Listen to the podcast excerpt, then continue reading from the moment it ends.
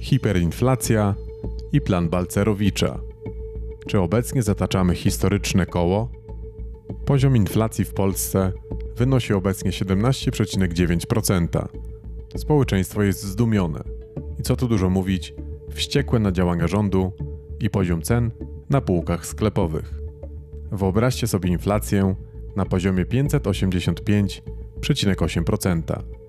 Dokładnie taki wskaźnik inflacyjny odnotowano w 1990 roku, przy czym należy zaznaczyć, iż w trakcie trwania tego roku odnotowano miesiące z inflacją przekraczającą 1000% w odniesieniu do analogicznego miesiąca poprzedniego roku.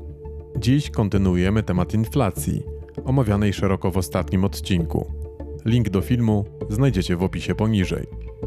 Cofniemy się ku przestrodze, do początku lat 90., kiedy to Polska zmagała się ze zjawiskiem hiperinflacji. Był to gorący okres transformacji ustrojowej, który wymagał radykalnych zmian. Te wprowadzał plan Balcerowicza. Oczywiście, jak to zwykle bywa przy radykalnych działaniach, nie obyło się bez ofiar. Warto wyciągnąć lekcje z tamtego okresu, tak by uniknąć przyszłych wpadek, a jesteśmy niestety na najlepszej drodze, by inflacja w Polsce jeszcze na długo zadomowiła się na wysokim poziomie. Cześć, z tej strony Marcin i witam Was serdecznie na kanale To Polska Właśnie, miejscu poświęconemu nowoczesnej historii, społeczeństwu i Polsce właśnie. Warto subskrybować kanał, aby poszerzyć świadomość otaczającego nas świata i lepiej rozumieć wydarzenia z naszego krajowego podwórka. Zapraszam do odcinka. Czym jest hiperinflacja? Jakie są jej przyczyny i skutki? By zrozumieć wydarzenia z początku lat 90. w Polsce, powiedzmy sobie najpierw, czym jest hiperinflacja. Hiperinflacja, dokładnie tak jak wskazuje nazwa, jest to bardzo wysoka inflacja.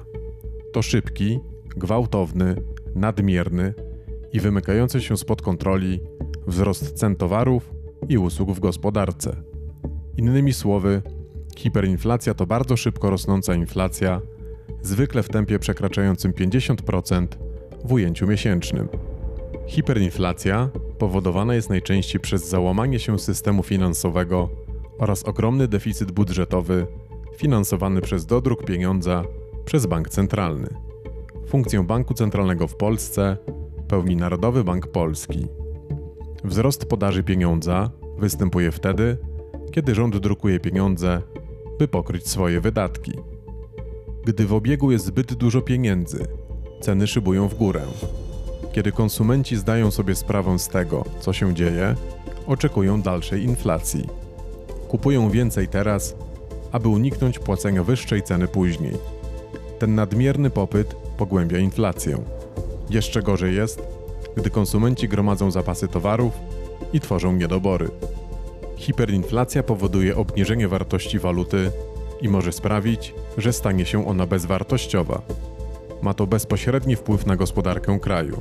Pozbawia budżet państwa wpływów z podatków, prowadzi do zamknięć firm i przedsiębiorstw, podnosi poziom bezrobocia i powoduje, że koszty życia są bardzo wysokie. Gdy mamy do czynienia z nadmiernym i szybkim wzrostem cen, oszczędności bankowe, jak i sama gotówka tracą na wartości, jako że pieniądze mają znacznie mniejszą siłę nabywczą. Innymi słowy, za te same pieniądze możemy kupić znacznie mniej towarów, co może prowadzić do bankructw zarówno przedsiębiorstw, jak i osób fizycznych. Społeczeństwo rezygnuje z deponowania oszczędności w bankach, doprowadzając do ich bankructw. Masowe bankructwa konsumentów i firm oznaczają mniejsze wpływy z podatków, co z kolei prowadzi do paraliżu funkcjonowania instytucji publicznych, żyjących z naszych podatków. Na hiperinflacji nie tracą jednak wszyscy. Zwycięzcami, a raczej beneficjentami są posiadający kredyty. Wyższe ceny sprawiają, iż ich dług staje się bezwartościowy, jako że pieniądz całkowicie zmienił swoją wartość. Zastanówmy się, co pozwala przetrwać hiperinflację. Po pierwsze, dywersyfikacja aktywów, a więc posiadanie oszczędności nie tylko w polskim złotym. Pomogą obce waluty, akcje i obligacje zarówno krajowe, jak i międzynarodowe, kruszce oraz nieruchomości. Po drugie, ważne by posiadać ważny dowód osobisty lub paszport. Jeśli hiperinflacja w kraju sprawi, że standard życia stanie się nie do zniesienia, warto mieć alternatywę w postaci wyjazdu do innego państwa. Po trzecie, warto nie mieć dwóch lewych rąk i posiadać podstawowe umiejętności. Nie bez powodu nasze mamy i babcie potrafiły upiec chleb, uszyć ubrania, ojcowie i dziadkowie byli złotymi rączkami. Kiedy chleb kosztuje pół wypłaty lub jest zwyczajnie niedostępny, lepiej wiedzieć, jak go upiec.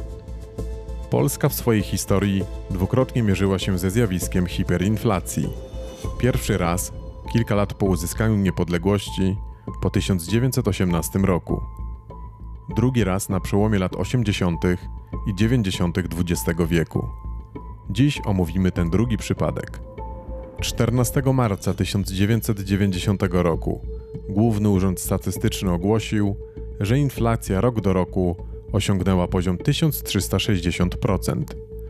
Był to smutny efekt nieudolnej polityki rządu Mieczysława Rakowskiego, który wprowadził urynkowienie cen żywności oraz indeksację płac. Urynkowienie, czy też uwolnienie cen, to proces charakterystyczny dla przejścia z gospodarki centralnie sterowanej do gospodarki wolnorynkowej. Ceny po uwolnieniu regulowane są przez rynek, a nie przez państwo. Polska w latach 1989, 1990 i później przechodziła transformację ustrojową. Nieuniknionym było więc zmierzenie się ze wszystkimi skutkami odejścia od ustroju socjalistycznego. Naturalnym zjawiskiem uwolnienia cen jest inflacja, jako że ceny nie są już utrzymywane na sztucznym, nierynkowym poziomie.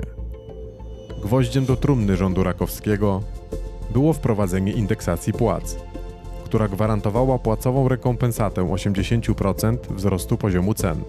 W praktyce polegało to na rozdawaniu dodrukowanych pieniędzy obywatelom, którzy na skutek urynkowienia cen musieli się zmierzyć z szalejącą inflacją. Odpowiedzią rządu na niezadowolenie społeczeństwa była gwarancja podwyżek wynagrodzeń, które miały zrekompensować podwyżki cen towarów i usług. Błędne koło. Reasumując, hiperinflacja wynikała w dużej mierze z urealnienia cen, które przez komunistyczny rząd były sztucznie utrzymywane, a dobra reglamentowane. Reglamentacja to konieczność racjonowania dóbr i towarów. Symbolem reglamentowania towarów w okresie PRL były kartki na podstawowe towary, jak cukier, mięso, słodycze, buty, meble, samochody. Cen nie ustalał więc rynek, ale władza. Reglamentacja była konieczna, ponieważ przy cenach w tamtych czasach popyt na towary byłby zbyt wysoki. W momencie uwolnienia cen widzieliśmy znaczny ich wzrost. Nakręcała się spirala cenowo-płacowa. Pracownicy, widząc dynamiczny wzrost cen, domagali się wyższych płac, często w formie różnego rodzaju dóbr. Płace więc rosły, a w związku z tym pieniędzy na rynku było więcej. Skutek był więc jeden kolejny wzrost cen. Połączenie urynkowienia cen z indeksacją płac oraz niewydolną gospodarką doprowadziło do hiperinflacji, która ostatecznie obaliła pseudosocjalistyczny ustrój gospodarczy. Plan Balcerowicza. Nowo utworzony rząd Tadeusza Mazowieckiego musiał wprowadzić w życie pakiet antykryzysowy, który miał zatrzymać degręgoladę gospodarczą kraju. Pakiet ten potocznie nazywamy planem Balcerowicza, od nazwiska ówczesnego wicepremiera i ministra finansów Leszka Balcerowicza. Głównym celem pakietu reform, choć nie jedynym, było zduszenie hiperinflacji. Powołano grupę ekspertów, w skład której oprócz Balcerowicza wchodzili m.in. doktor nauk ekonomicznych Stanisław Gomułka, ekonomista dr Stefan Kawalec oraz dr Wojciech Misiąg. Plan reform nie był autorskim pomysłem Leszka Balcerowicza. Oparty został na zamyśle profesora Jeffreya Sachsa i był jednym z pierwszych na świecie zrealizowanych programów strukturalnego dostosowania opracowanego w ramach konsensusu waszyngtońskiego. Konsensus waszyngtoński to dokument zalecanej polityki gospodarczej Stanów Zjednoczonych propagowany przez Międzynarodowy Fundusz Walutowy oraz Bank Światowy. W dzisiejszym odcinku nie będę szczegółowo omawiał konsensusu waszyngtońskiego.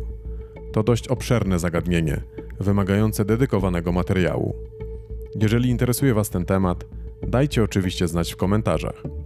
Koniecznym zaznaczenia i zapamiętania jest fakt, że na transformacji ustrojowej miały zyskać poza Polską gospodarki zachodnie, a konkretnie Stany Zjednoczone. Zwierzchnikiem Jeffrey'a Sachsa był amerykański miliarder George Soros, który w maju 1988 roku utworzył w Polsce Fundację Batorego, która miała stać się ośrodkiem wpływu i zapleczem eksperckim dla reform w Polsce i całym bloku wschodnim. Pomysłem Sorosa było ustanowienie zewnętrznego zarządu powierniczego, administrującego majątkiem polskich przedsiębiorstw. Dług miał być umarzany przez stopniowe przekazywanie zachodnim firmom i rządom akcji byłych przedsiębiorstw państwowych. Ideę tę Soros opisał w liście do prezydenta USA George'a Busha. W Białym Domu uznano ten plan za niewykonalny, spodziewając się, że żaden rząd PRL nie zaakceptuje tak daleko posuniętej utraty suwerenności gospodarczej. Jeszcze przed wprowadzeniem planu, w pierwszych tygodniach sprawowania urzędu, Leszek Balcerowicz podjął decyzję o ograniczeniu deficytu budżetowego poprzez podniesienie cen prądu o 150%, cen gazu o 100%, benzyny o 110% oraz alkoholu o 125%. Plan Balcerowicza zakładał zreformowanie finansów państwa, zrównoważenie budżetu, wprowadzenie mechanizmów gospodarki rynkowej i rozpoczęcie działań na rzecz zmiany struktury własności przedsiębiorstw. Pod koniec września 1989 roku Leszek Balcerowicz przedstawił założenia planu podczas waszyngtońskiego szczytu Międzynarodowego Funduszu Walutowego i Banku Światowego z udziałem ministrów finansów grupy G7. Grupa G7 to grupa siedmiu najważniejszych pod względem gospodarczym państw świata. To właśnie wsparcie kredytowe tych państw miało być czynnikiem stabilizującym sytuację gospodarczą kraju.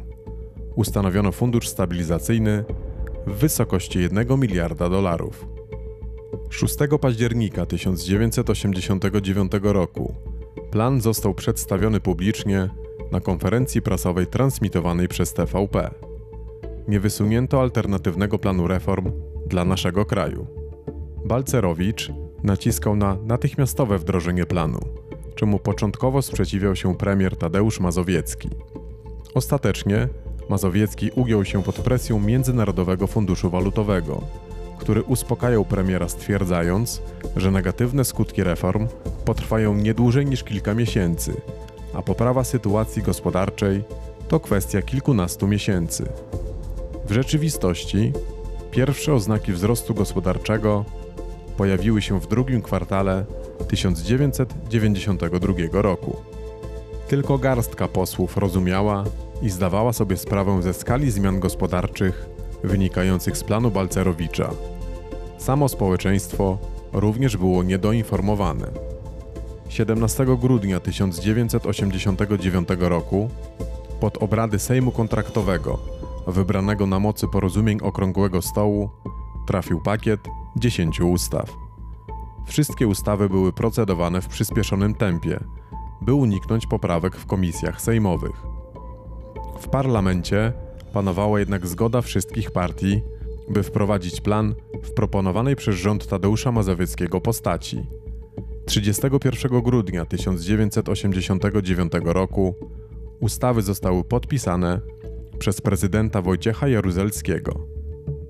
Najistotniejsze założenia planu Balcerowicza: usunięcie gwarancji istnienia przedsiębiorstw państwowych, uniemożliwienie nieograniczonej emisji, a więc do druku pieniądza bez pokrycia, zakaz finansowania deficytu budżetowego przez bank centralny, zniesienie preferencji kredytowych dla przedsiębiorstw państwowych, kontynuacja istnienia podatku od ponadnormatywnych wypłat wynagrodzeń.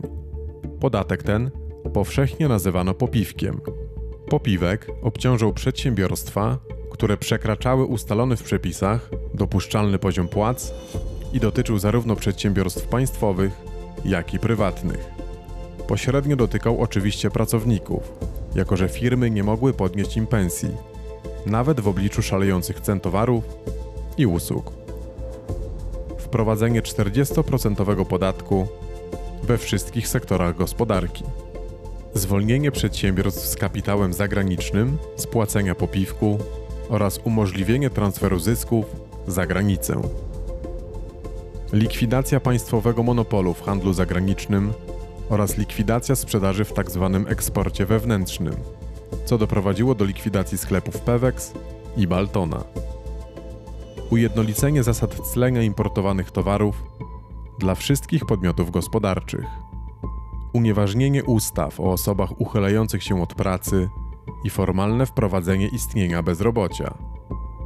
Wprowadzenie okresowych zasiłków dla bezrobotnych. Skutkiem wprowadzenia ustaw było znaczne obniżenie inflacji i deficytu budżetowego. Niemniej kraj zalała fala bankructw i likwidacji wielu przedsiębiorstw państwowych oraz masowa redukcja zatrudnienia, co przełożyło się na obniżenie stopy życiowej licznych grup ludności, zwłaszcza pracowników niedochodowych przedsiębiorstw państwowych oraz państwowych gospodarstw rolnych, zwanych potocznie PGR-ami. Powstały obszary biedy i strukturalnego bezrobocia. Krytycy planu Balcerowicza zarzucają mu słabą ochronę rynku wewnętrznego oraz dopuszczenie do wieloletniej zapaści wielu obszarów gospodarki. Polska została zalana importowanymi towarami, które wypierały towary produkowane do tej pory w Polsce i bloku wschodnim. Przedsiębiorstwa państwowe były wyprzedawane bogatym inwestorom z zachodniej Europy, którzy korzystali na transformacji ustrojowej naszego kraju. Jednocześnie zszokowane społeczeństwo zaczęło tęsknić za socjalizmem, w którym czy się stoi, czy się leży, 1500 się należy. W pierwszym kwartale 1990 roku 39% emerytów i rencistów nie osiągnęło dochodu uznawanego za minimum socjalne. Sytuację na rynku żywności ratował popularny handel uliczny, realizowany w blaszanych budkach, ustawionych na bazarach, zwanych zieleniakami. Oznaką stabilizacji gospodarki był fakt masowo powstających firm, których do końca 1990 roku zarejestrowano ponad 300 tysięcy. Wiosną 1990 roku wybuchły pierwsze poważne strajki, głównie rolników i kolejarzy. Kolejne kilkanaście miesięcy to okres pogłębiania się recesji, upadku wielu przedsiębiorstw i pogarszających się nastrojów społecznych. Na stosunek do reform gospodarczych wpływały także informacje o aferach gospodarczych i uwłaszczaniu się nomenklatury komunistycznej, a więc przejmowaniu przez działaczy komunistycznych majątku publicznego. Pierwsze symptomy trwałego wzrostu pojawiły się w roku 1992. Wcześniej, 22 marca 1991 roku, otwarta została giełda papierów wartościowych w Warszawie. Inauguracja notowań w dawnym gmachu KCPZPR stała się symbolem pierwszego etapu przemian. Przemiany gospodarcze na skutek terapii szokowej, zaserwowanej przez Leszka Balcerowicza, przebiegały znacznie szybciej niż przemiany społeczne. Społeczeństwu jeszcze wiele lat zajęło przystosowanie się do gospodarki kapitalistycznej, która w brutalny sposób eliminowała ludzi leniwych i przyzwyczajonych do ingerencji i pomocy państwa.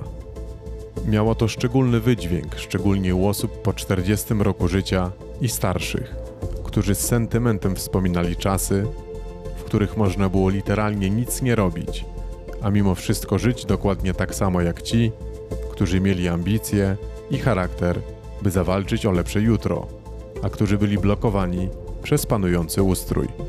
Ci drudzy doskonale odnaleźli się w nowych warunkach, znacznie powiększając swój majątek i podnosząc poziom życia, wykorzystując nadarzającą się okazję w postaci wolnorynkowej szansy. Dziś jest podobnie. Leniuszki chętnie głosują na obecnie rządzących, jeszcze chętniej wyciągając ręce po programy socjalne typu 500, 13 emerytury i tym podobne inflacjogenne produkty.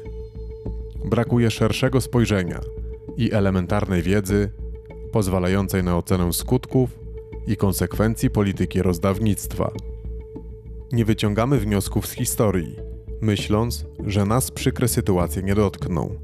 Żyjemy tu i teraz, przyzwyczajeni do dobrostanu, który zawdzięczamy wyłącznie środkom unijnym.